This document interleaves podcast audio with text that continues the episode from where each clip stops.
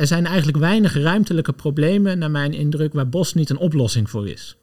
We gaan uh, straks naar de gebiedsprocessen toe, waarin we in één keer heel de stikstofproblematiek in Nederland uh, gaan oplossen. Het toverwoord. Het ja. toverwoord. Ja. Uh, en daar moet die bossenstrategie ook in gaan landen.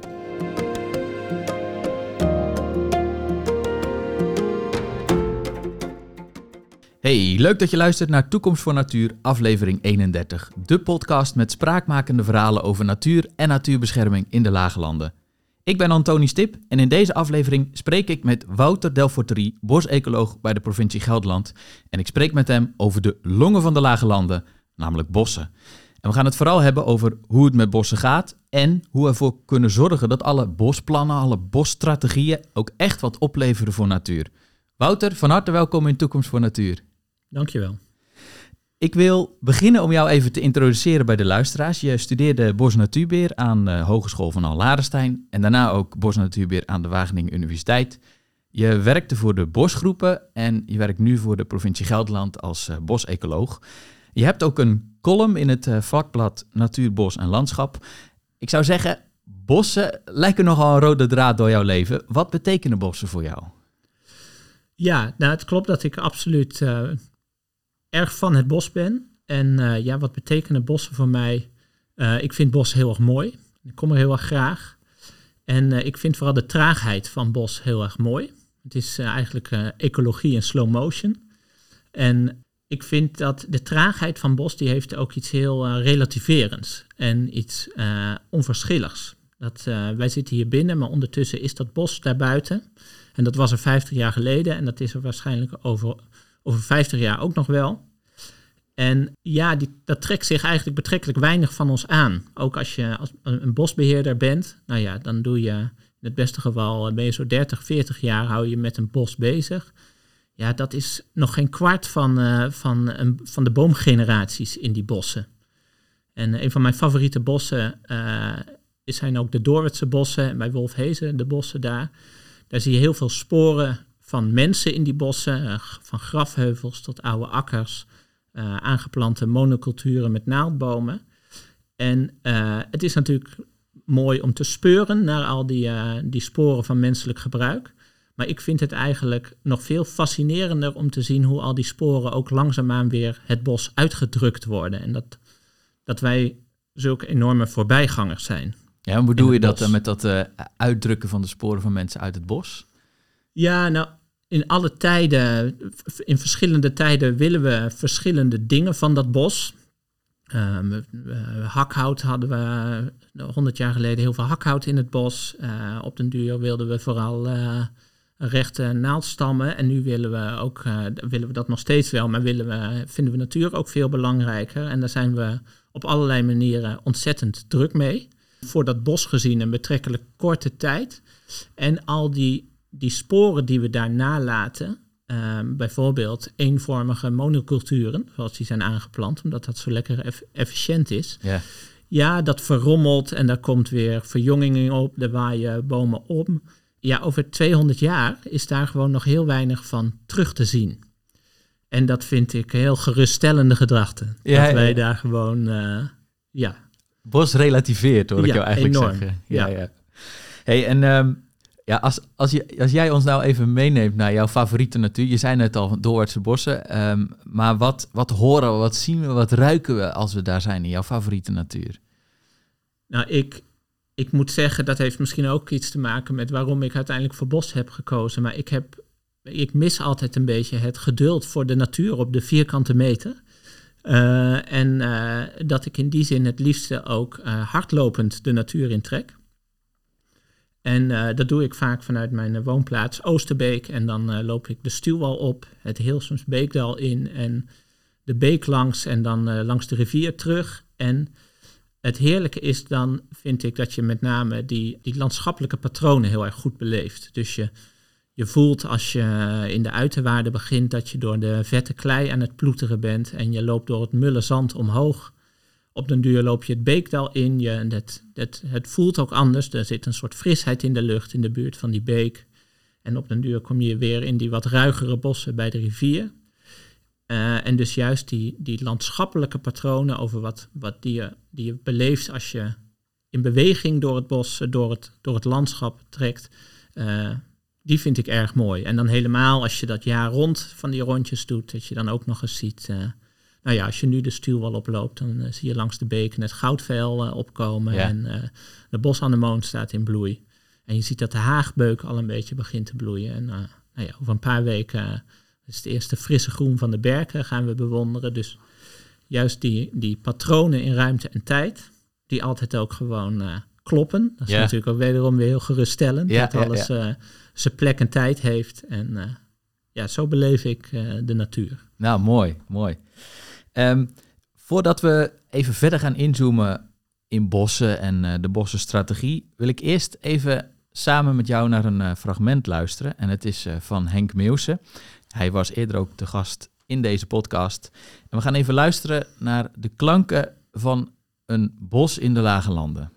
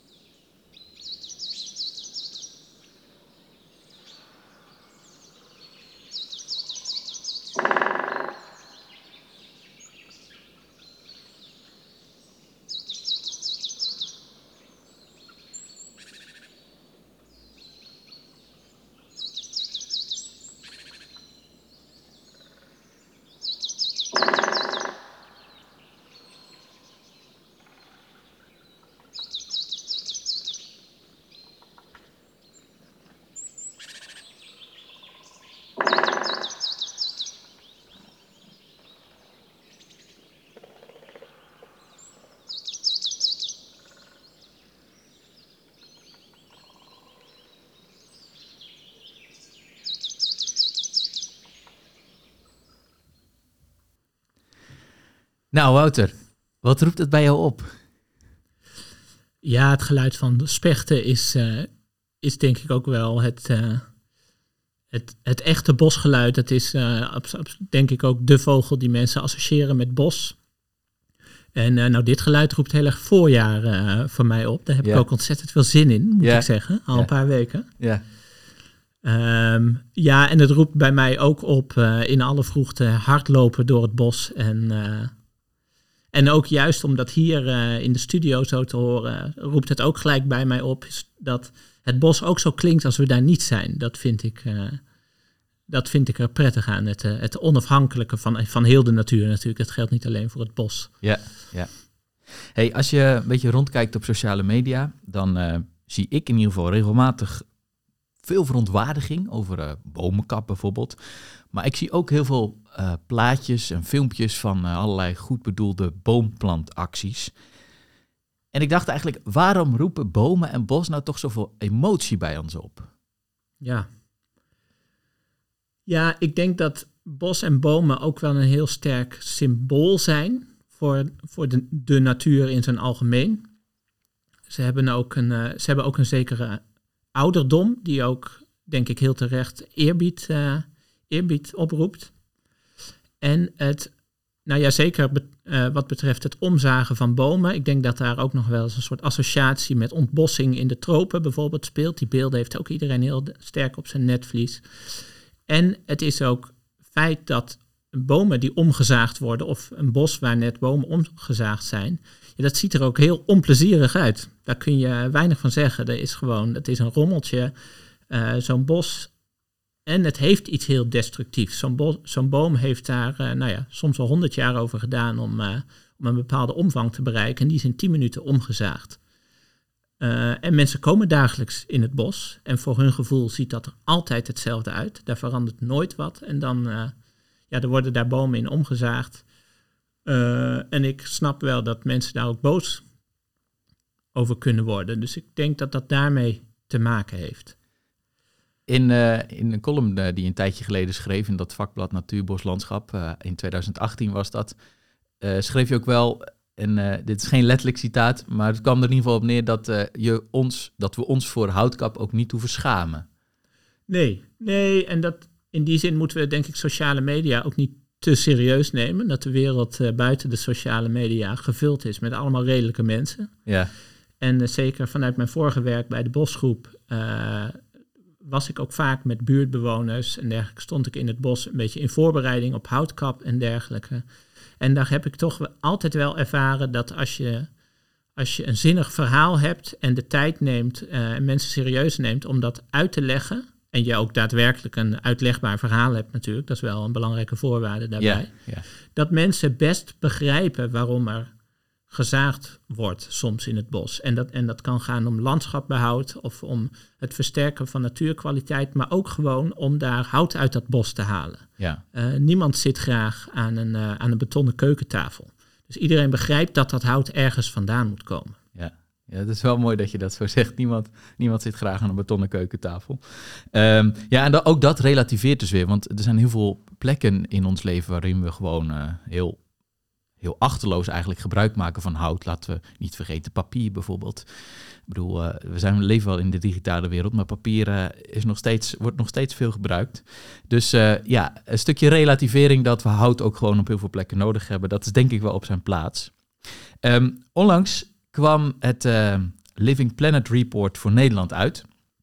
Dat is eigenlijk een soort, ja, de thermometer van de staat van de Nederlandse natuur wordt daarin beschreven. En in dat rapport staat dat natuur uit de open gebieden, dus de graslanden, de heide, de duinen, uh, die, die, staat eigenlijk voortdurend onder druk. Maar in bossen is er eigenlijk uh, sprake van uh, weliswaar een lichte afname van de fauna sinds 1990, maar ook weer een licht herstel. En allerlei soorten broedvogels, dagvlinders van opgaand bos, die nemen toe. Bijvoorbeeld de middel, middelste bonte specht, de kleine ijsvogelvlinder, de grote weerschijnvlinder. En in datzelfde rapport zien we ook dat uh, soorten van hakhoutbossen, die nemen nog steeds wel in aantal af. Hoe kijk jij naar die ontwikkelingen? Uh, ja, nou, ik denk, ons bos is gemiddeld genomen nog helemaal niet zo oud. Dat uh, hele grote delen van ons bos, die zijn nu ja, 100, 120, 30 jaar oud. Uh, dat is voor bos nog niet zo oud, dus daar is nog steeds best veel winst te halen. Die bossen zijn uh, als monocultuur uh, één soort, één leeftijd aangeplant. En ja, bossen die net zijn aangeplant, die hebben zo nog 30, 40 jaar, hebben die een beetje de structuur van een maisveld. Dat is gewoon allemaal hetzelfde, dat is heel donker. Um, en het beheer wat daar lang in is gepleegd, is daar heeft dat ook heel erg in stand gehouden. Om, om, want dat was gewoon puur gericht op om daar aan het einde dat hout te kunnen oogsten. En dan gebeurde dat vaak vlaktegewijs. En dan werd er opnieuw aangeplant. En dan had je weer opnieuw zo'n maisveld. Inmiddels zie je dat daar toch wel behoorlijk van is afgestapt. In de jaren 90, eind jaren 80, begin jaren 90 zijn toch wel wat natuurvolgendere, wat multifunctionelere uh, bosbeheermethoden ingezet. Geïntegreerd bosbeheer. Um, en daar zie je dat daar ook meer structuurvariatie, meer kleine open plekken, uh, half open bos. Uh, er ontstaan gewoon veel meer variatie in dat bos. De voorraad dood hout is toegenomen. Um, maar dat is dus eigenlijk nog niet zo lang. Dus ik denk dat we ook nog steeds wel profiteren in die zin, van in zekere zin het laaghangende fruit van dat ons bos uh, begint te rijpen. Ja. Uh, je ziet nog steeds dat uh, eens in de vijf jaar wordt het landelijk bosareaal uh, geïnventariseerd, ingemeten om te kijken wat is de soortensamenstelling, hoe ontwikkelt zich dat, hoeveel dood hout hebben we in de bossen. Al dat soort aspecten gerelateerd aan de bosstructuur. En daarin is nog altijd elke keer zien we dat het aandeel loofhout in het bos toeneemt, dat de hoeveelheid dood hout toeneemt, dat de bomen gemiddeld ouder en dikker worden. Um, dus in die zin spreekt daar nog steeds het uh, uit dat het bos nog steeds in opbouw is. Uh, dus dat is goed nieuws. Dat, en dat zie je ook terug daarin. Ik denk wel dat daarin ook een beetje het gevaar zit dat je denkt, het gaat geweldig met het bos. Want ja, dat is ook een voor de hand liggende ontwikkeling dat dat bos beter wordt. En je moet ook uitkijken dat je niet alleen maar kijkt naar de relatieve verbetering, maar ook blijft nadenken, wat zou het in absolute zin tot waar zou het zich kunnen ontwikkelen en hebben we er vertrouwen in dat dat gaat gebeuren. Ja. Um, en anderzijds zie je ook wel dat als je wat specifieker naar die bossen kijkt en dan specifiek naar de bossen op de hoge zandgronden, eh, en met name daar waar de stikstofdepositie ook nog altijd te hoog is, dan zie je dat ook daar de biodiversiteit daar wel onder te lijden heeft. Dat daar voor de, de, de voedselbeschikbaarheid voor bladeters minder is. En dat zet zich natuurlijk door in, in de hele voedselketen. Dat, dat het, het, het verhaal van de koolmezen die door een door hun poten zakken door het calciumgebrek. Ja. Dat is in het bos uitgevoerd, dat onderzoek. Dus die problemen spelen daar ook. Ja, dus je, eigenlijk zeg je van uh, ja, de, de ontwikkelingen zijn positief, maar laten we ons daar niet op verkijken. Er speelt meer, zeker als je inzoomt, zie je in bepaalde regio's, zoals de hoge zandgronden in het bos, wel ja, negatieve ontwikkelingen eigenlijk gaan. En daar moeten we oog voor houden.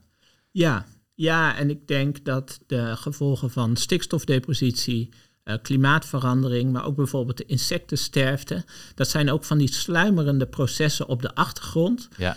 Ehm, waarvan het echt de vraag is of dat op den duur een bepaalde drempelwaarde gaat bereiken en wat, gaat er, wat er dan gaat gebeuren. Dat is denk ik heel erg onzeker. Ehm, maar daar zijn wel hele zorgelijke scenario's bij denkbaar. Ja. En bos is in die zin ook een, uh, ja, klinkt bijna nogal voor de hand liggend, maar een ecotoop wat heel erg afhankelijk is van de bomen. Ja. Wat bos anders maakt dan grasland is dat uh, licht de beperkende factor is en, en veel minder de voedingsstoffen in de bodem. Dat is echt, daardoor is het intrinsiek iets anders dan grasland.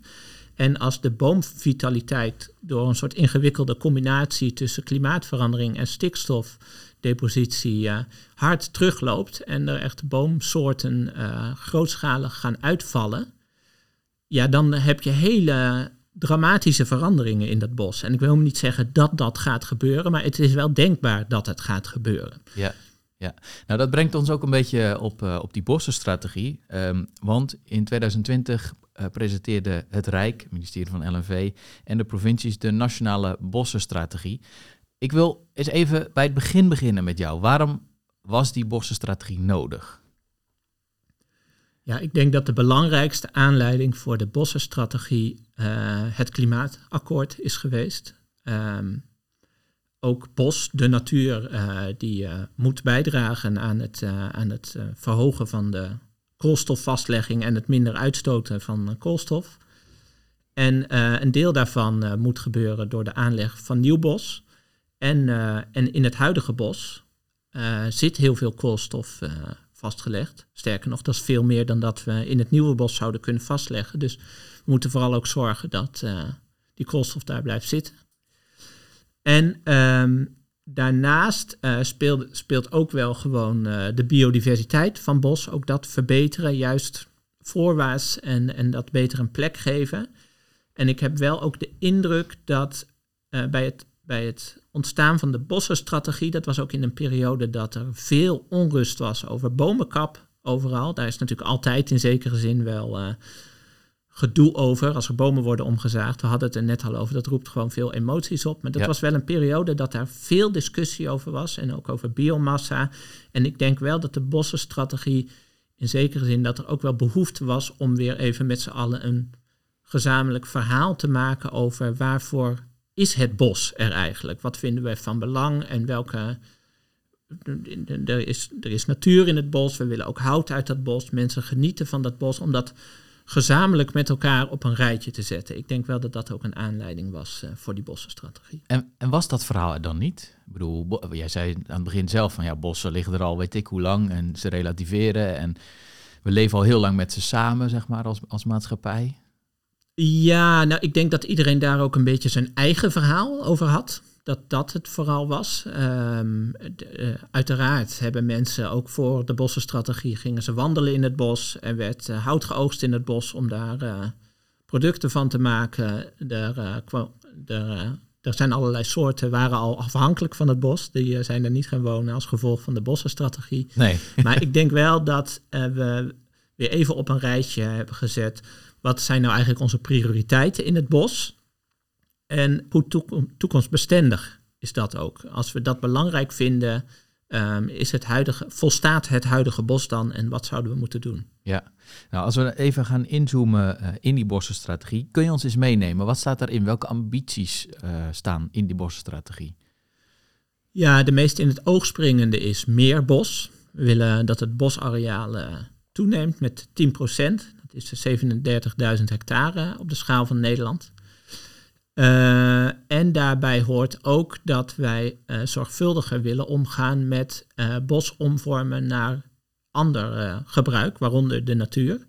Um, en dat we met terugwerkende kracht zelfs nog een deel van de ontbossing die is gebeurd voor bijvoorbeeld heideherstel of herstel van andere open landschappen, dat we die met terugwerkende kracht vanaf 2017 alsnog ook nog willen compenseren. Dus naast die 37.000 hectare willen we daarnaast nog 3400 hectare bos aanleggen ter compensatie van eerdere omvormingen.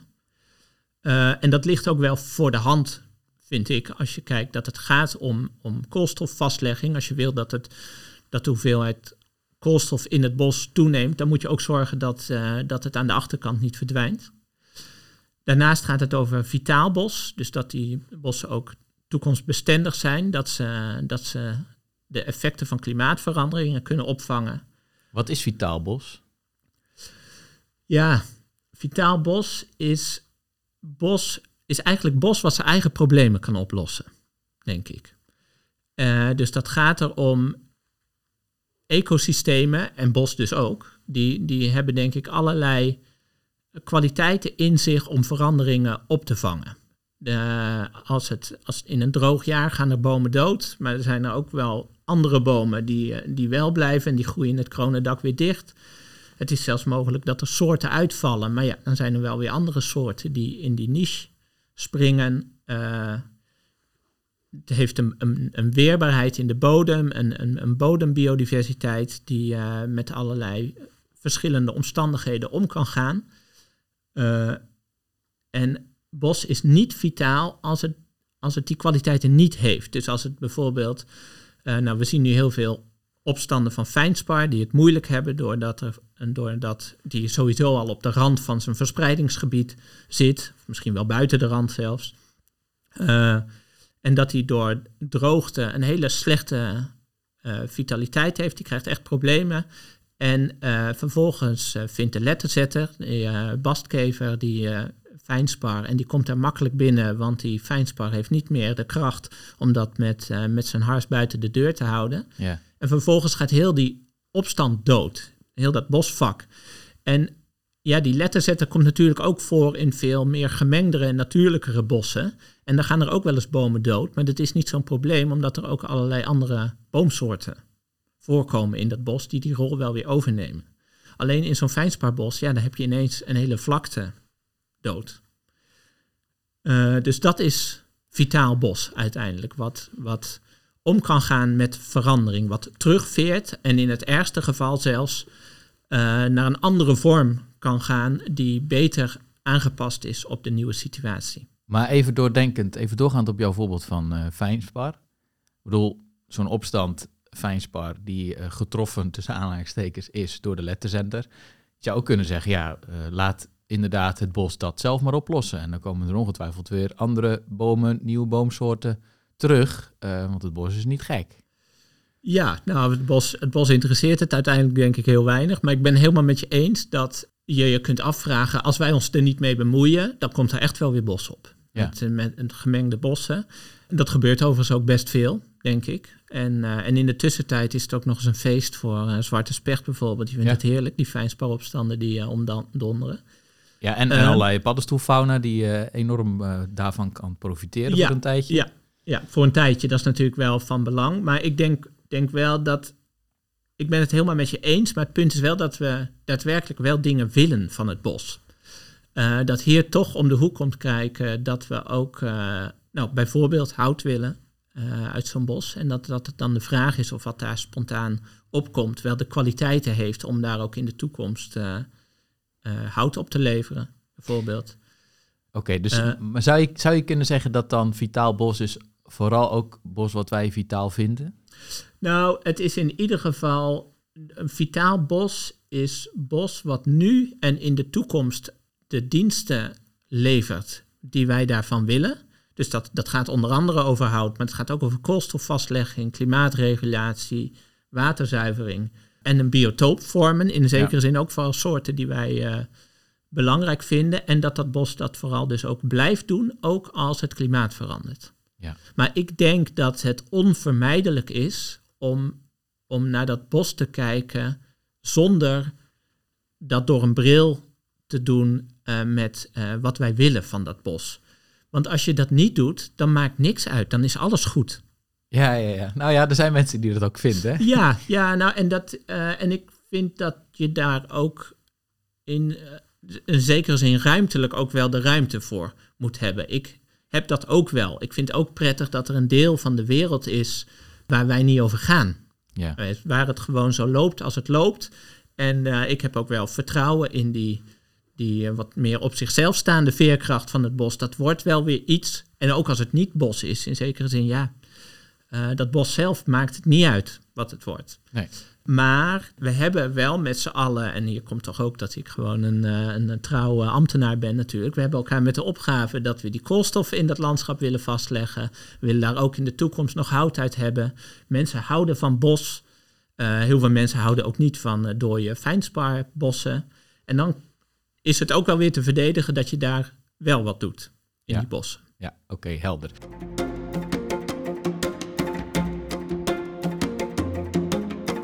Goed, we hebben in het kader van die bosstrategie gezien dat er een opgave is voor meer bos. Dat er een opgave is om uh, gekapt bos voor bijvoorbeeld heideherstel weer te compenseren.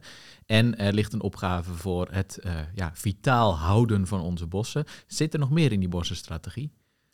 Ja, het gaat daarnaast over, uh, ook over meer bomen buiten het bos. de, of bijvoorbeeld het, het stimuleren van voedselbossen. Ook in het, de bossenstrategie wordt het aanvalsplan landschap genoemd. Het, het verhogen van de hoeveelheid uh, landschapselementen buiten, buiten onze natuurgebieden. En het gaat over het gebruik van het bos. Eigenlijk waar we het al een beetje over, over hebben. Uh, en wat ik zelf wel goed, waar ik het in ieder geval ook persoonlijk heel erg mee eens ben in de bossenstrategie, is dat eigenlijk alle aspecten van meerbos en vitaal bos, dat als je dat op een goede manier doet, dat eigenlijk dat dat gebruik van het bos al is afgedekt. Die, dat meer bos kunnen we op allerlei manieren inzetten om te zorgen dat uh, mensen meer ruimte hebben om te recreëren. Uh, dat, uh, en dat als we zorgen voor vitale bossen, dat die bossen ook in de toekomst nog hout kunnen leveren, bijvoorbeeld. Dus, ja. dus de, het, het zorgen voor meer bos en voor vitaal bos, dat borgt eigenlijk ook het gebruik van het bos in de toekomst. Wat dat ook zou mogen zijn. Want dat is natuurlijk ook nog best lastig om de toekomst te voorspellen in die zin. Dus, Zeker, ja. Ja, ja. ja uh, er zijn niet veel mensen die dat kunnen. Um, ik wil met jou even inzoomen op uh, de provincie Gelderland. Want jij mm -hmm. werkt als bosecoloog voor de provincie Gelderland. Uh, wat zijn in Gelderland de specifieke opgaven? Ja, nou dat zijn uiteraard uh, de provinciale uitwerkingen van de ambities die we net al noemen. Dus ook in Gelderland werken we aan meer bos. Ik ben daarbij onder andere ook heel erg betrokken om, uh, om te kijken hoe we dat dan vorm gaan geven. Ik denk dat een valkuil is van de bossenstrategie dat je heel erg uh, wild om je heen gaat kijken en denken waar kunnen we dat bos kwijt. Ja. Terwijl het een veel positiever en een constructiever uitgangspunt is om uit te gaan van waar willen we nou eigenlijk graag bos. En ik denk ook nog eens dat de omvang van de ambitie, hoe hoog die ook mag lijken, uh, ik denk eigenlijk dat het best meevalt. Uh, en dat je het je best kunt veroorloven om alleen maar bos aan te leggen op plekken waar dat zinvol is. Dus, uh, dus daar kijken we naar. Hoe kunnen we dat? Uh, in Gelderland hebben we natuurlijk een aardig wat rivierengebied liggen. Hoe kunnen we daar ooibossen creëren?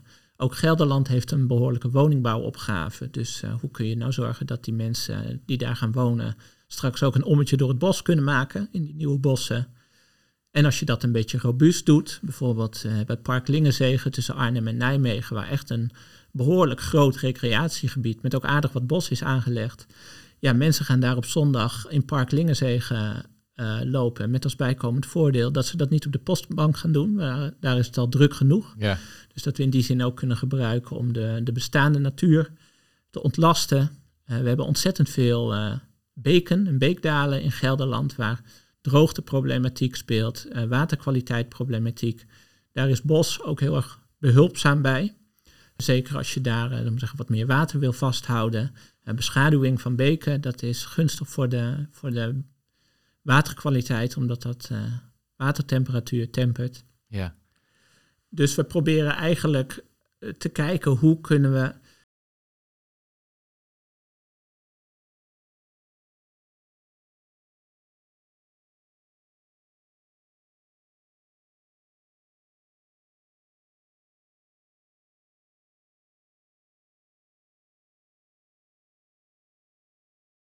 Dus in die zin, uh, we zijn al bezig met het laaghangende fruit voor het realiseren. Iedereen die wat wil, daar, daarin denken we mee. En, uh, en, en we financieren bosaanleg en maatregelen om die bossen vitaler te krijgen. De stikstofproblematiek zelf is natuurlijk ook al heel belangrijk om dat bos vitaler te krijgen. Ja. En we proberen daarnaast alle gereedschappen te geven, zodat er in de gebiedsprocessen uh, goede keuzes worden gemaakt uh, om waar die bossen dan terechtkomen. Uh, want Gelderland is een, uh, best een grote provincie, maar toch als je kijkt wat er allemaal moet binnen de gebiedsprocessen, dan is er toch wel weinig ruimte. Dus we kijken vooral hoe kunnen we die bosuitbreidingsambities nou combineren met andere opgaven. En ik denk dat dat heel goed gaat. Ja, en, en, dat betekent dus dat we, als ik dat even zo goed beluister, dat we de, de komende op korte termijn in ieder geval nog niet heel veel nieuw bos hoeven te verwachten in Gelderland, omdat we nog wachten op die gebiedsprocessen, of niet?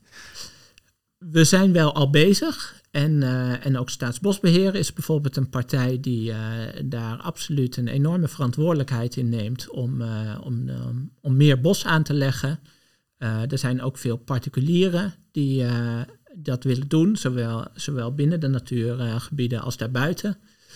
Ehm, en die ondersteunen we nu al. Uh, dus in die, in die zin, uh, en ook zelf zijn we daar al wel actief in. Dus dat, het nieuwe bos druppelt absoluut al wel binnen.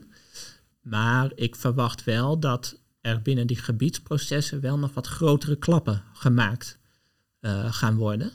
En dan kun je over mopperen natuurlijk dat dat allemaal zo langzaam gaat. Was niet mijn insteek hoor. Maar. Nee, nou dat, dat, ook al is dat wel zo. Uh, maar ik denk wel dat het ook, je moet er ook goed over nadenken. Want ik denk dat je er ook, als je bos aanlegt, moet je dat ook doen in de overtuiging dat je dat doet voor minstens 100 jaar. Ja. Uh, ja, dan maakt het echt niet uit of je dat nou vijf jaar eerder of later doet. En het is belangrijker dat je het op de zinnige plekken doet. Ja, ja. dat lijkt me een heel zinvolle aanpak. Uh, als ecoloog valt het mij op dat nou, terreinbeheerders, uh, die, uh, die ik dan spreek bijvoorbeeld over een graslandbeheer, dat er nogal eens gemopperd wordt over uh, problemen van bosopslag in graslanden. Hè, want dat is altijd heel lastig. Dan komt er zwarte els in of werk of wat dan ook. Terwijl diezelfde organisaties, soms zelfs ook dezelfde mensen, die zie ik dan ook op, op sociale media trots filmpjes en foto's posten van dat ze zoveel bos aanplanten. Ook op grasland. En dan denk ik, Hé, maar hoe zit dat? Je moppert op uh, bos wat er vanzelf komt, maar vervolgens ga je grasland volplanten met bos. Hoe, hoe, hoe zie jij dat? Ja. ja, ik denk sowieso ook binnen de natuur is de ruimte best beperkt, binnen de natuurgebieden. Dus ik denk, ik snap het gemopper op de spontane bosopslag. Als je daar bijvoorbeeld heel zuinig bent op een pimpernelblauwtje of zoiets, dan is het niet fijn dat het bos wordt. Dus dat is werk. Maar dat je vervolgens, als je daar bos wil aanleggen, uh, dat je daar uh, zoveel voor doet, terwijl het ook voor, uh, vanzelf zou kunnen gaan. dat begrijp ik wel. En ik denk dat het. Ik denk wel dat we meer spontaan bos zouden kunnen laten ontstaan. Zeker binnen de natuurgebieden. Dat gebeurt overigens ook wel degelijk een hoop hoor. En zeker bijvoorbeeld ooibosontwikkeling. Ja. dat is langs de rivieren is een hele logische plek, denk ik, omdat om dat vanzelf te laten ontstaan. Ook omdat al die boomsoorten er heel makkelijk komen met het rivierwater. Op andere plekken denk ik dat er ook wel redenen te verzinnen zijn om wel uh, bos aan te planten. Uh, omdat je daar uh, bijvoorbeeld boomsoorten dan ook neer kan zetten die spontaan wellicht niet zo snel te verwachten zijn. Bijvoorbeeld linden of wat, wat meer loofboomsoorten die wat later in de bossuccessie eigenlijk pas te verwachten zijn. Ja. en en daarbij is denk ik ook heel goed mogelijk om daar een tussenvorm in te zoeken. Dus je kunt natuurlijk ook groepen aanplanten met, met boomsoorten die je er graag om wat voor reden dan ook bij wilt hebben. En uh, in de tussenliggende ruimte de, de spontane bosopslag uh, koesteren. Ja, ja. En de winst daarvan is natuurlijk ook wel dat je ook wat sneller en wat interessantere bosstructuur krijgt. Want ik denk wel dat we inderdaad vaak een beetje uit gewoonte de neiging hebben om zo'n vak lekker vol te zetten. ja. Eh, terwijl we, zoals we eerder al zien, eh, en zo- zoals we eerder al eh, bespraken, dat die jonge bossen, als je die zo vol plant, toch heel lang een beetje een, ma- een maisveld blijven. ja, ja. Terwijl als je dat spontaan laat doen, dat, dat tempo waarop dat dichtgroeit, dat varieert dan op zo'n vak. En dat levert, denk ik, in ieder geval voor de natuur interessanter bos op. ja. Geen maaisakker eh, Ja. Ja. Beeld. Eh, moeten we überhaupt wel bos aanplanten op eh, graslanden? Zeker de wat meer, eh, nou ja, kruidenrijkere graslanden. In, in de natuurwereld heet dat dan eh, N1202, kruiden- en fauna-rijk grasland. Mo- moeten we daar wel bos aan gaan planten? Dit is deels natuurlijk een keuze, Ja. waar ik mij als ambtenaar ook een beetje bij heb neer te leggen. maar dat, daarmee kan ik me ook wel vereenzelvigen, voor de duidelijkheid. Ik denk alleen dat we er wel heel kritisch op moeten zijn. Dat je dat je, je altijd goed moet afvragen bij elk grasland. Is dit de zinnige keuze? En als daar eh, bijzondere soorten voorkomen, of het een boscomplex betreft waar het bijvoorbeeld het enige graslandje nog is, eh, en zo zijn er een hele hoop redenen te bedenken waarom het niet een goed idee is om die bossen op een plek aan te leggen. Eh, maar ik denk dat er al met al dan nog altijd wel graslanden overblijven waar die kwaliteiten gewoon veel minder aanwezig zijn. Ja, We hebben denk ik de afgelopen eh, tien jaar ook met best veel haast op sommige plekken ons eh, natuurnetwerk afgemaakt. Door daar eh, voormalige landbouwgronden aan toe te voegen en daar ja, betrekkelijk weinig inrichtingsbeheer te hebben gedaan. Dat levert ook wel veel graslanden op waarvan je je kunt afvragen wat daar nou de bijdrage van is aan ons natuurnetwerk. En dat bos daar toch wat minder last heeft van dat landbouwverleden in die bodem, die fosfaatlast, dan grasland dat heeft. Eh, maar het is uiteindelijk natuurlijk een keuze. ja. En eh, ja, ik hou van bos. En, eh, maar bos heeft allerlei dingen niet. Daar komen veel minder kruidenrijke vegetaties voor. Er komen veel minder vlinders voor. En, en die zullen in graslanden meer voorkomen. Nou ja, Maar in graslanden komen weer heel weinig spechten voor. Ja, dus bijvoorbeeld. ja, het, is, het, is altijd, eh, Ja. het is altijd kiezen, ja zeker. Ja. Ja. Ja, Ehm, wa- wat ik ook nog dacht is, eh, kun je zeggen dat bos aanplanten eigenlijk een, eh, een vorm van ongeduld is? Dat, dat we eigenlijk ja, onvoldoende de tijd nemen om natuurlijk processen zijn gang laten gaan? het is absoluut een vorm van ongeduld. Maar die denk ik wel te verdedigen is ook soms. De jongere bosontwikkelingfase zijn vaak niet de meest soortenrijke. Als het, eh, aan, aan- helemaal aan het begin, als het nog relatief open is, dan nog wel. Maar op den duur komt zo'n bos in sluiting en dan heb je toch wel een behoorlijke periode dat dat eh, lang duurt voordat dat weer wat interessant begint te worden voor veel soorten. Eh, en met wat bos aanplant, met wat snelgroeiende soorten lokaal, kun je daar ook al wat meer ruimtelijk, wat meer variatie in brengen. En eh, ja, je kunt zeggen, die soorten die wat verderop in de bossuccessie zitten, die komen daar dan over 100 jaar ook wel. Dat is op zich wel zo, maar ouder bos en bos met waarden die wat meer horen bij ouder bos, die zijn schaars. En jonge bossen en waarden die horen bij jonge bossen niet. Dus dat we op sommige plekken ons best doen om eerder die waarden van oudere bossen te krijgen, ja, dat vind ik wel te verdedigen. Ja. Waarbij ik het helemaal met je eens ben dat daar wel voldoende ruimte moet zijn voor ook spontane bosontwikkeling. En dat, denk ik, vooral het een doen en het ander niet laten vaak gewoon hele mooie resultaten oplevert. Ja, ja. Ja.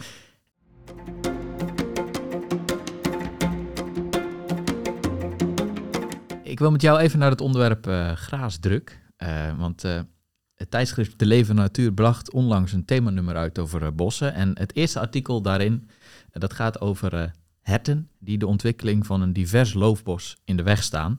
En met name speelt dat op de Veluwe, althans daar is het in ieder geval heel zichtbaar. En ehm herten vormen eigenlijk wel een, natuurlijk onderdeel van het, van het bos-ecosysteem. Dus ik vroeg me af, waarom zijn ze dan toch een probleem? Ja, nou ten eerste omdat wij het een probleem vinden. Natuurlijk, daar begint het dan bij. Toch weer die Ehm, mensen. Maar dat is wel eh, in die zin ook een probleem wat de provincie Gelderland zich wel aantrekt. Ehm, die herten die horen bij het bos. En eh, leveren ook allerlei kwaliteiten op in dat bos. Open ruimtes, die blijven langer open doordat die, die herten dat wat kort houden.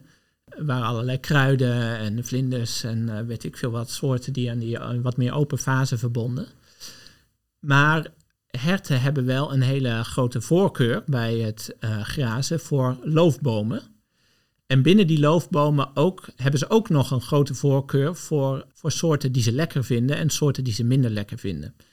En het is ook wel te verklaren waarom ze sommige soorten lekker vinden, zoals eh, berk en, eh, en boswilg en ratelpopulier, omdat er vrij veel mineralen in, de, in, die, in dat blad zit. En dat heeft zacht strooisel en dat heeft ook een heel gunstig effect op de bodem. En je ziet als je gaat kijken naar de bosverjonging die er spontaan opkomt op de Veluwe, dat zij daarin vooral eten wat ze lekker vinden en heel weinig wat ze niet lekker vinden. En wat ze niet lekker vinden, dat zijn vooral naaldbomen. Nou ja, dat is wat het is. Dat kunnen we natuurlijk zeggen, prima, dit is zoals de natuur het wil. En eh, eh, daarin vindt een ontwikkeling richting naaldbos plaats. Maar we hebben wel degelijk allerlei redenen waarom we meer loofbos willen. En de natuurlijkheid daarvan is ook wel te betwisten, want al dat naaldhout hebben wij zelf allemaal op de Veluwe gezet.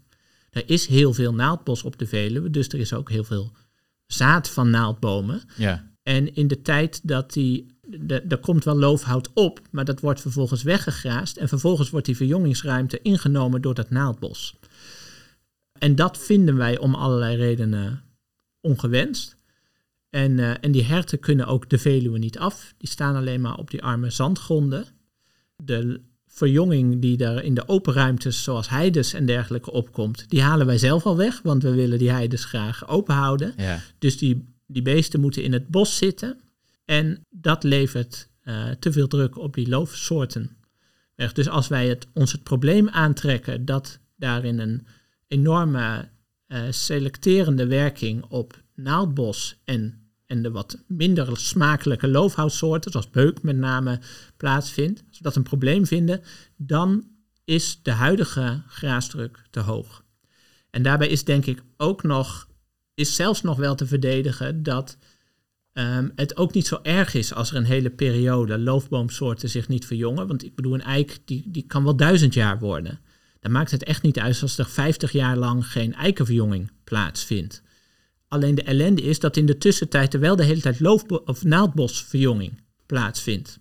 En dat in het kader van de aanpassing aan klimaatverandering het ook heel erg gewenst is dat er wel regelmatig verjonging plaatsvindt zodat die verjonging van die soorten ook droogte mee kan maken, eh, insectenplagen en er, een, en er een selectie kan plaatsvinden op die nieuwe klimatologische omstandigheden. Dat de, dat de verjonging die tegen droogte kan, dat overleeft, terwijl de, de individuen die dat niet kunnen, die gaan dood. En over 50 jaar levert die verjonging zaad en dat is zaad van bomen die allemaal die droogteperiodes hebben plaatsgevonden. ja. Maar als die verjonging niet plaatsvindt, doordat die graasdruk dusdanig hoog is, dan kan ook dat selectieproces niet plaatsvinden. Ja, of het selectieproces van tegen graasdruk kunnen. Dat kan natuurlijk ook nog, toch? Zeker. Ja. Ja. Maar dat zal ook bij een wel lagere graasdruk zal dat sele- selectieproces er altijd nog wel zijn. Want in die zin is bomen zijn pas buurtvrij op de Veluwe als ze ruim boven de twee meter Ja. zijn. En dan kan het edelhert er niet bij. Dan kan het edelhert er niet meer bij. En die kan zelfs nog wel zijn best doen om hem omver te gooien. Dus dat moet ook al wel een beetje, een beetje dikte hebben. Ja. Ehm, daar doen zeker veel loofboomsoorten best lang over. Dus ehm, ze, moet, ze zullen altijd tegen een zekere graasdruk moeten kunnen weerstaan. Want het is niet mogelijk dat, die, dat er zes jaar lang, zeven jaar lang, nooit een hert langs zo'n boompje komt. Ja. Ook bij een lagere graasdruk niet. Ja. Wat ik, toen jij vertelde over die eh mineralen beschikbaarheid, dacht ik nog wel van, hey, is dit probleem niet ook verweven met de stikstofdepositie? Want we weten dat eh, ehm, depositie van in ieder geval ammoniak op de hoge zandgronden eh, leidt tot de uitspoeling van mineralen. ehm, aluminiumtoxiciteit. Dus het kan best zijn dat die, dat die grazers ook compenseren voor dingen die ze niet of onvoldoende binnenkrijgen via hun dieet. Eh, dus is dit probleem ook niet verweven met grotere, grotere processen op, op, of landelijke problemen, zou ik willen zeggen? Ja, dat denk ik wel. Ehm, ik weet niet goed hoe het. Uh, het is ook gewoon heel complex. En in die zin weet ik niet goed hoe het graasgedrag beïnvloed wordt door die, die minerale beschikbaarheid. Het lijkt wel zo, inderdaad, bijvoorbeeld bij wilde zwijnen, dat die veel dieper lijken te vroeten. Uh, er zijn plekken waar, waar je echt tot bijna een meter diep die zwijnen die bodem in zijn gevroed. waarbij het lijkt dat ze gewoon op, ja, op mindere diepte gewoon minder vinden en daardoor door blijven vroeten. Ja. En dit is sowieso, denk ik, het ingewikkelde van die interactie tussen de graasdruk en, en bosdynamiek en bosverjonging. Het is van heel veel variabelen afhankelijk. Hoe, hoe belangrijk is het dat die dat die grazers in de zomer niet naar de rijkere gronden toe kunnen.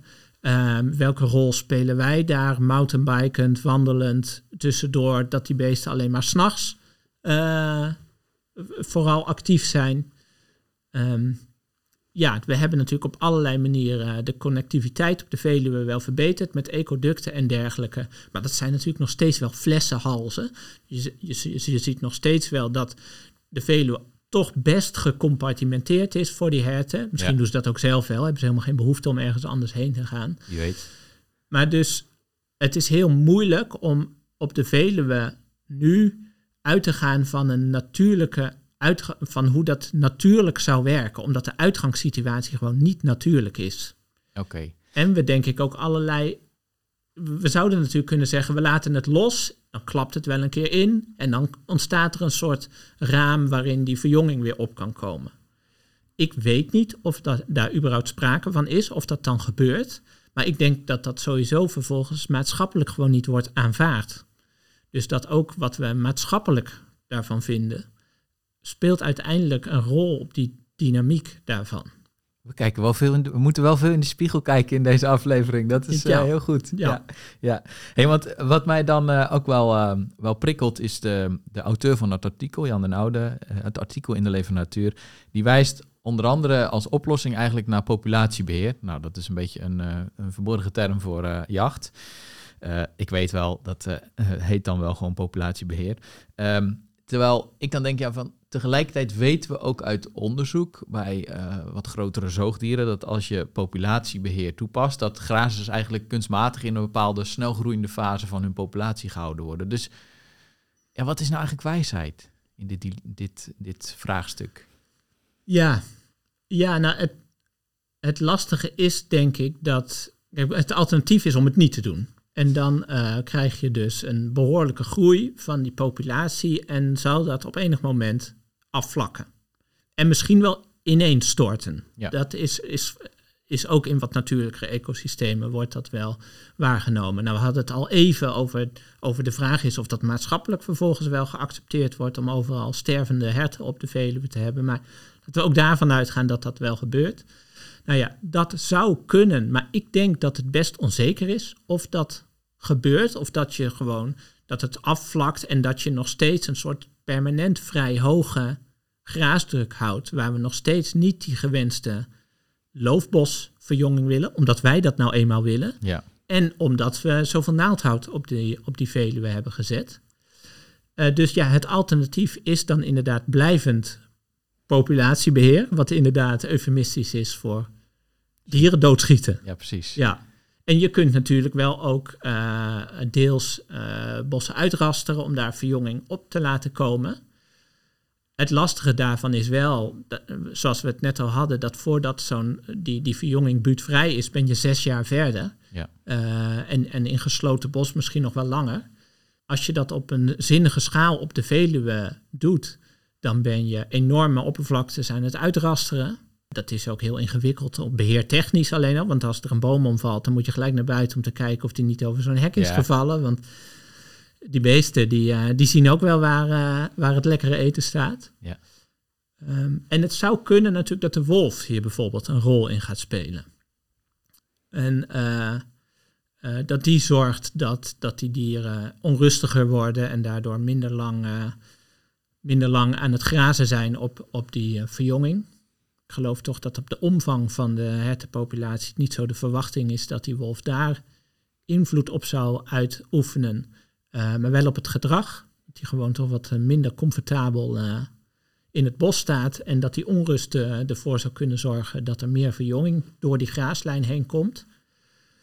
Ja, ik, daarvan denk ik, we weten het gewoon niet. En iedereen die zegt dat het wel zo is en iedereen zegt dat het niet zo is, ik denk dat dat te stellig is. Ik denk dat de situatie op de Veluwe is, net als de situatie elders, uniek. Er is een samenspel met recreanten, met, met de beschikbaarheid van, van rijkere ecosystemen en dergelijke. Het is de vraag wat dat oplevert en dat moeten we in de gaten houden. Oké, maar dan als je dat als uitgangspunt neemt, van we weten het eigenlijk niet goed, dan is uh, als oplossing populatiebeheer, of eigenlijk moet ik zeggen meer populatiebeheer, want het vindt al plaats op de, op de mhm. Veluwe. Dat is dan ook te stellig, of niet? Nou, wat denk ik daarbij vooral belangrijk is, en dat is ook wel de beweging die gemaakt wordt, is om minder uit te gaan van zoveel herten zouden het moeten zijn. Beter te kijken naar wat gebeurt er buiten. Welke soorten zien we dat er verjongen. De lijsterbes is een hele goede indicatorsoort bijvoorbeeld, omdat die zowel rijkere als armere bodems en binnen en buiten het bos kan verjongen.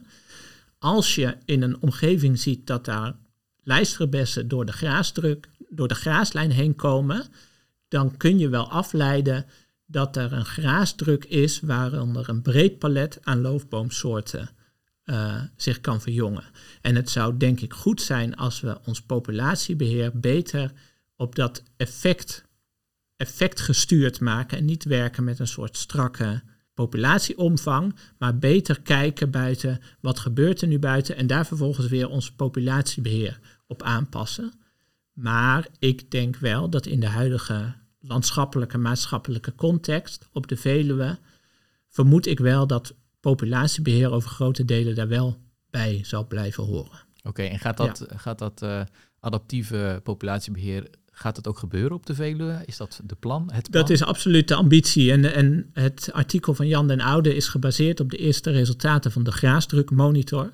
Dat is, uh, dat is uh, gebaseerd op een net, netwerk van steekproefpunten op de Veluwe, waar gekeken wordt uh, welke boomsoorten kiemen hier, welke boomsoorten komen door de graaslijn heen, om zo de, de effecten van graasdruk beter in beeld te krijgen. En daar kun je nu al bijvoorbeeld hele spectaculaire kaartjes van maken van, van waar komt, komt um, die lijsterbes door de, door de graaslijn heen. En daar zie je al bijvoorbeeld heel groot het effect van, van de A12 en de spoorlijn Arnhem-Utrecht, dat ten zuiden daarvan, waar gewoon heel weinig edelherten komen, dat daar, daar veel meer lijsterbes in dat bos voorkomt. Ja. En zelf ook, ik, nou ja, zoals ik zei, ik loop ook nog wel eens hard en loop ik door de Wolfhezenbos. En daar ken ik ook wat plekjes waar je bijvoorbeeld spontane kieming van hazelaar ziet. Oh ja. ja. dat komt er niet doorheen, want dat is gewoon chocola voor edelherten. Die, die ruiken dat gewoon van, het is, het dwingt respect af over hoeveel afstand ze dat allemaal weten te vinden. Ja, ja die gaan we erin houden. Ja. Hazelaar, de chocola voor edelherten, ja. Um, ik wil even met jou naar een uh, ander onderwerp, namelijk vergeten bossen. Want in datzelfde thema, themanummer van de Leven Natuur schreef jij een bijdrage waarin je de geschiedenis indook van uh, het Gelderse bosareaal sinds 1832. Neem ons eens mee, wat heb je ontdekt? Ja, nou ontdekt, dat zou ook wel wat te veel krediet zijn, want ik denk dat ik meer concreter een, eh, een, de ontwikkeling in getallen heb gevat. Uh, in Gelderland is het bosareaal de, de afgelopen 100, 150 jaar enorm toegenomen. Ik denk dat veel mensen zich daar ook wel van bewust zijn. We hebben de woeste gronden hebben we tot nut gemaakt. En al die heidegronden, uh, uitgestrekte heide- en stuifzanden hebben we bebost met grove dennenbossen. Uh, dus in absolute zin is dat bosareaal enorm toegenomen. Maar dat verbloemt een beetje dat met name buiten de Veluwe en buiten de droge zandgronden in de Achterhoek er eigenlijk best wel veel bos is verdwenen, ook in Gelderland, uh, ten faveur van landbouwkundig gebruik over het algemeen. En ehm, dat er dus regionaal eigenlijk sprake is van een behoorlijke ontbossing. En dat daarmee ook juist eh, de oudere bossen zijn verdwenen. Dus we hebben wel veel meer bos dan 100 jaar geleden, maar juist die, die bossen op de rijke gronden, op de klei, op de, op in de beekdalen, uh, met ook vaak een veel rijkere biodiversiteit aan voorjaarsflora, uh, bosanemoon. Um, die zijn veelal verdwenen. En ook die soorten zijn ook erg gebonden juist aan bossen die al heel lang uh, bos zijn. Die soorten komen voor in die bossen niet. Die komen er niet al voor, maar die komen er nog voor, omdat we die bossen hebben behouden en die soorten altijd bij die bossen zijn gebleven. De oud-bosflora. Zeg maar. Ja. Uh, maar die bossen hebben we heel massaal, zeker buiten onze heilige natuurgebieden, opgeruimd. Gewoon de afgelopen 150 jaar. Ja, en dat was, uh, dat was best wel uh, nou, behoorlijke arealen gaat dat om, uh, begreep ik uit jouw artikel. Jij, jij munt ook de term bosamnesie. Wat is dat? Nou, ik zou eerst willen benadrukken dat dat, dat, dat schaamteloos gestolen is natuurlijk van het recente boek Natuuramnesie. Van Mark Argelo. Ook ga dat vooral lezen om het goed te maken. Ook hier te gast geweest in de podcast, aflevering 15 is dat, ja. Ja, en dat ik in die zin ook die term even heb geleend, omdat het denk ik, precies hetzelfde gebeurt als met die bossen, als met natuur in de algemene zin.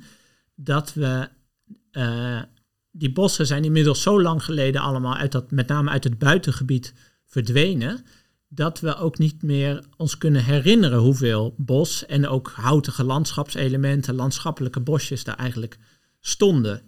Dat als je kijkt nu uh, buiten onze huidige uh, natuurgebieden en dan met name buiten de Veluwe, uh, dan zie je gewoon dat daar 60 tot 80 procent van het bos is verdwenen in de afgelopen 150 jaar. Dat is bij elkaar uh, ruim 22.000 hectare bos wat daar is verdwenen. Ja, dat is gewoon uh, twee derde van de landelijke opgave om meer bos aan te leggen. En dit gaat alleen over Gelderland. Ja, precies. Terwijl deze ontwikkeling in, in alle provincies hebben plaatsgevonden. Op, op een andere wijze. Maar in al die provincies is het buitengebied gewoon heel erg ontbost. En ook tekenend, uh, wat, wat ik ook vond in mijn analyse, is denk ik dat we heel veel gebieden, om wat voor reden dan ook, hebben aangewezen als waardevol open landschap. Uh, maar dat als je eigenlijk terugkijkt naar, uh, naar 1832, 1850, die, die periode, dat eigenlijk de helft van die gebieden toen veel bos- en boomrijker was dan dat ze nu zijn. En dat wil ik helemaal niet gebruiken als een soort argument dat heel die gebieden weer volgeplant moeten worden. Want er kan prima redenen zijn om aan het open landschap gehecht te zijn. Het, ik, het meest sprekende voorbeeld is voor mij de, uh, de voormalige Zuiderzeekust van Gelderland. Ja.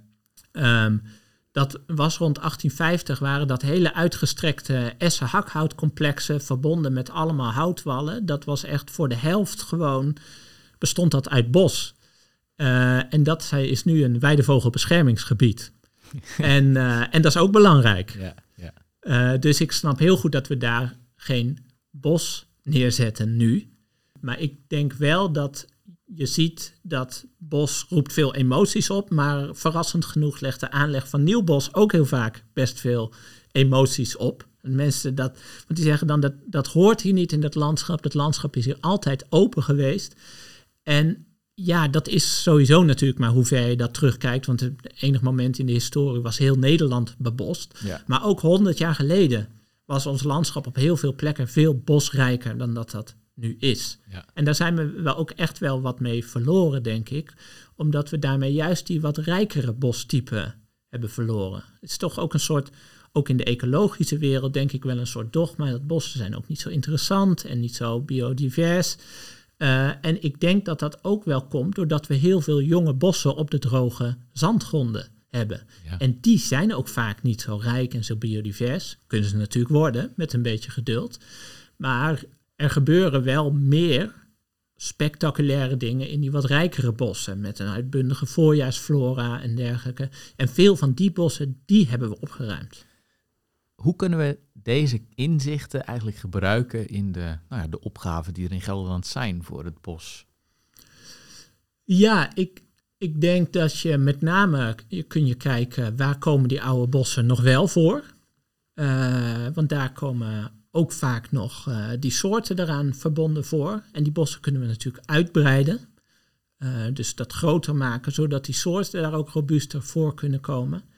Ik denk dat ook met name de aanleg van meer landschapselementen van, vanuit het aanvalsplan landschapselementen ook voor kan zorgen dat we dit soort relicten weer beter met elkaar kunnen verbinden.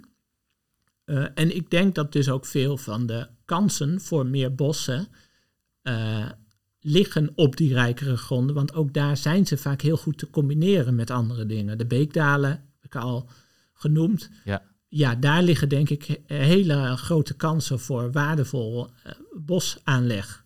En als je dat ook combineert met droogtebestrijding, daarvoor moet je toch ook op landschapsschaal een, een, zeker herstel doen om, om te zorgen dat die hydrologie daar op orde is. En vervolgens levert dat bos ook dit, die inzicht over hoe dat bos is verdwenen. Dat is denk ik ook in de communicatieve sfeer kan dat helpen. Dat mensen zeggen, ja, daar heeft hij nooit bos voorgekomen. En als je toch wat, dat wat beter inzichtelijk kan maken, maar ook kijkt, ja, dat bos heeft er wel voorgekomen, maar hoe zag dat er dan uit? En hoe verhield zich dat tot de open ruimte? Hoe zag die verkaveling eruit? Dat je ook tot een goede landschappelijke inpassing uh, van dat bos komt, die ook past bij, de, bij de, het karakter van een landschap. Ter plaatse. Ja.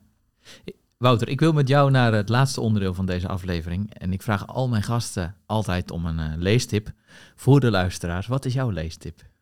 Nou, ik heb als uh, leestip meegenomen het, het boek. Het is, boek is een groot woord, maar uh, een reader over Natuurvolgend Bosbeheer. Die is uitgegeven door ProSilva Nederland. Dat is een, een discussieplatform wat gaat over uh, natuurvolgend bosbeheer. Waar het heel nadrukkelijk gaat over, over de teelt van, van kwaliteitshout. maar dat wil doen op een hele natuurvolgende manier. En ik vind dat ze daar een hele goede. Daarbij zit ik in het bestuur overigens. Dus het is een beetje zelfbevlekking dit. maar. Ehm, uh, ik denk dat daar een hele inzichtelijke reader uh, over is geschreven door uh, Christine Sanchez. Dat is een, een Waalse, het is een Europese organisatie, ook ProSilva. En ik denk dat het heel erg inzichtelijk maakt over hoe je dat vorm zou kunnen geven. En ik geloof ook heel erg in deze vorm van bosbeheer. Ik denk dat het goed is dat we in een, in een deel van onze bossen daar heel erg de natuur voorop zetten en daar zelf ook heel terughoudend om uh, in zijn en, uh, ruimte geven voor natuurlijke processen. Maar dat we juist ook die gebieden nog veel meer kunnen versterken als we in de tussenliggende bossen een vorm van natuur-inclusieve bosbeheer. En daar, daar leent het ProSilva-beheer zich denk ik heel goed voor. Dit geeft daar ook hele praktische handvatten voor. En dat kan ik iedereen aanraden. Nou, dankjewel. We zetten een linkje naar de pdf van dat document uh, zetten we in de beschrijving van deze podcastaflevering. Um, mijn laatste vraag, als, je, als we even uitzoomen. Um, hoe kijk jij naar de toekomst voor natuur in de lage landen? Ja, ja hier, hier uh, dreigt mijn toch wat pessimistische aard bijna de bovenhand te, nemen. Toen ik hier van tevoren ook een beetje over nadacht. Maar ik denk in beginsel kun je natuurlijk zeggen, er zal altijd natuur zijn, want de wereld verandert en daar soorten veranderen mee en er ontstaat een, uh, weer een soort andere vorm van natuur. Om bij het bos te blijven, bos zal naar verwachting ouder worden en dat levert denk ik nog veel meer op van wat we nu ook al zien. Dus Ja. ik denk, denk wel degelijk dat, uh, dat er uh, in onze, onze levens het bos nog echt stappen zal gaan maken en dat we daar nog enorm van kunnen genieten. Anderzijds maak ik mij wel echt zorgen over de, de gecombineerde effecten van de milieudruk, stikstof, hydrologie en klimaatverandering. je merkt wel dat daar ook wel een hele hoop ambities op dat vlak zijn. En ik denk ook echt dat, dat, dat het goede daarvoor op papier staat. Dus als we dat allemaal echt serieus invulling geven, dat we daar echt goede stappen mee kunnen maken. maar dat is wel ook echt nodig dat je nu al, als je in, in de auto stapt en richting Duitsland rijdt, dat je daar toch binnen vier uur door beuken en grove dennenbossen kunt lopen, waar behoorlijke uitval is, waar je echt ziet dat beuken en grove den het moeilijk hebben. dat is rond de Harts. En ja, dat is een klimaat wat nog net wat droger is als Nederland, waar we dus toch ook al een beetje vooruit kunnen kijken. Um, ja, als we dat gaan krijgen op onze droge zandgronden, ja, dan gebeurt er wel wat. Dat zijn wel dingen waar ik mij wel zorgen over maak. En er zal natuurlijk iets anders voor in de plaats komen, mocht het uh, dramatisch, uh, dramatisch verkeerd gaan met Ja. sommige soorten. Ja, Maar ehm, ik maak me daar wel veel zorgen over. Ja. Dus eh, gemengde Ja. gevoelens hoor ik. gemengde gevoelens. Maar ik moet zeggen dat ik ondertussen wel eh, opgewerkt en eh, aan het werk ga en proberen daar een, een zinvolle bijdrage aan te leveren. Mooi zo. Wouter, ik wil je heel hartelijk bedanken voor dit gesprek. Wouter Delfortrie, bosecoloog bij de provincie Gelderland. Hartelijk dank. En jij?